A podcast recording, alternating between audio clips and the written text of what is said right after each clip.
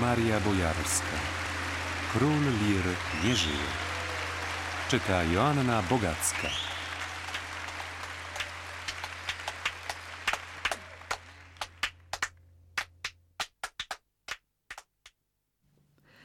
To była sobota 22 lutego 1992, kilkanaście minut po drugiej.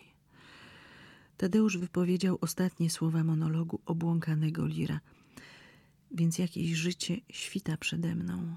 Dalej łapmy je, pędźmy za nim biegiem, biegiem. Wyrwał się pilnującym go na scenie żołnierzom, w których chwilę wcześniej nie rozpoznał wysłanników ukochanej córki.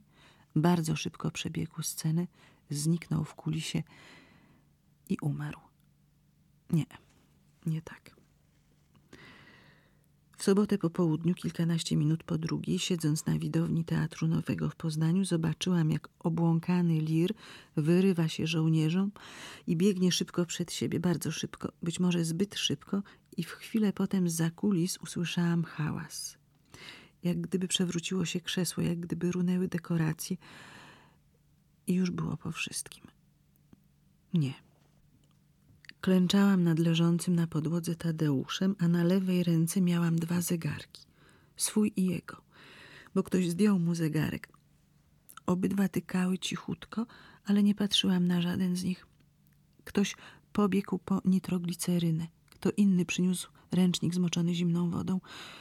Nic nie pomagało. I w teatrze zapadła wielka cisza. Czarna jak atrament. Wciąż była sobota. Tadeusz leżał na podłodze i oczy miał szeroko otwarte, ale mnie nie widział. Na chwilę położyłam dłoń na jego piersi i ktoś słusznie zwrócił mi uwagę, że przeszkadzam mu oddychać. Ale nie czułam, żeby oddychał. Nie słyszałam bicia serca. Lekarz z pogotowia, które wkrótce przyjechało, też nic nie słyszał a ja miałam głowę pełną cytatów. Zaraz potem karetka na sygnale mknęła przez obce ulice, a ja jechałam z kimś, małym Fiatem, tuż za nią. Inne samochody zwalniały lub zjeżdżały posłusznie na bok, a mały Fiat wślizgiwał się w puste miejsca i pędził za karetką aż do szpitala.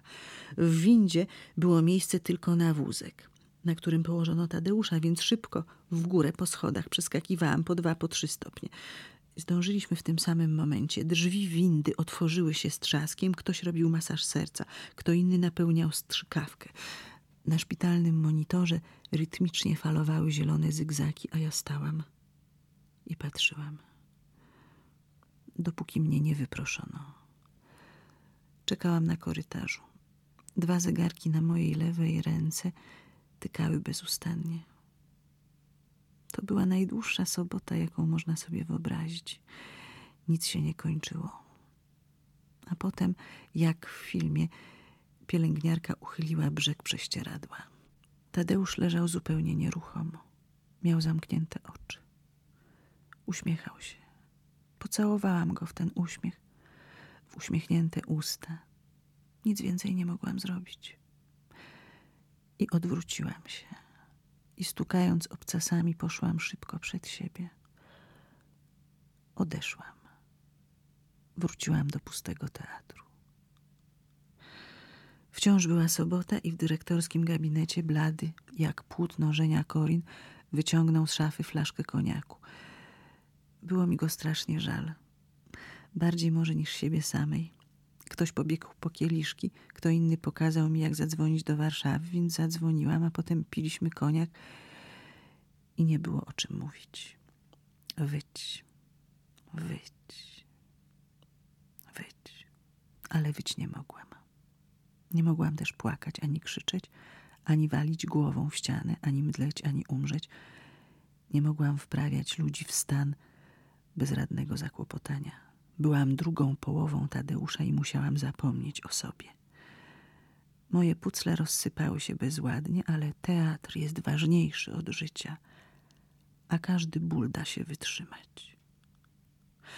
Osiem lat wcześniej w szpitalu podziwiano moją dzielność. Siedemnaście lat wcześniej Tadeusz chciał zerwać ze mną raz na zawsze, bo zarozumiale stwierdziłam, że jestem mocna, mocniejsza niż on. I to go bardzo dotknęło, ale nie zerwał ze mną. Łatwo być mocnym, kiedy się nie kocha. Wciąż nie umiałam wejść na scenę z własną prywatnością. I jeszcze nigdy nie byłam tak mocna, tak nieludzko opanowana, jak w to sobotnie popołudnie, gdy z natchnioną miną powiedziałam wszystkim, jak brzmiały ostatnie słowa wypowiedziane przez Tadeusza na scenie. Więc jak jej życie świta przede mną.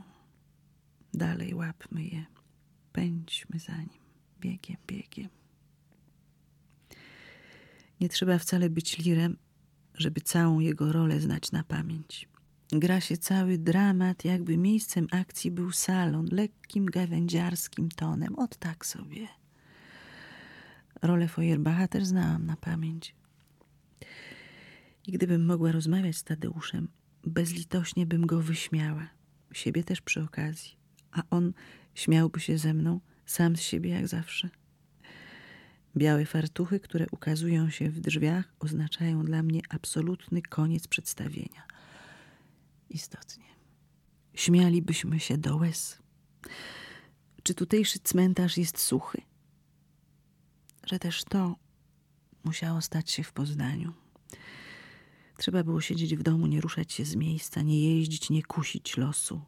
Rolę Bruskona też znałam na pamięć nawet dotknięty całkowitą głuchotą,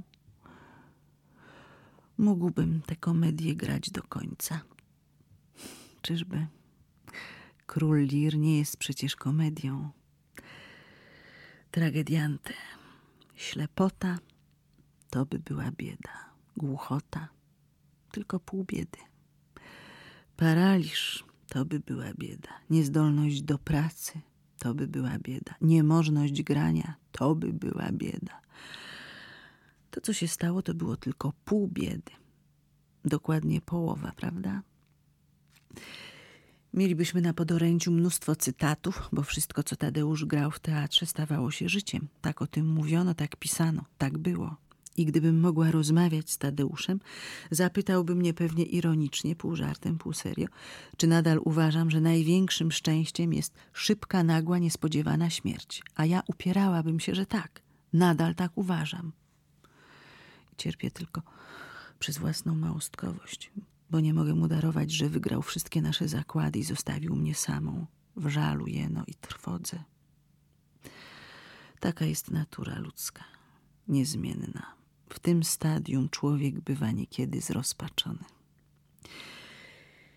I w ułamku sekundy, jak zawsze, umielibyśmy nienormalni pomyśleć o tym samym, o sytuacji scenicznej. Może byłabym bardziej przejęta odkrywczością, tak zagadkowy, niespodziewany sens, a może przez chwilę miałabym wątpliwości. Czy należało umierać po tej właśnie kwestii, więc jakie życie świta przede mną, dalej łapmy je, pędźmy za nim biegiem, biegiem. Te słowa zostały przecież napisane prozą, pospolitą prozą, niepodniosłym białym wierszem, prozą. Konalibyśmy ze śmiechu, obydwoje.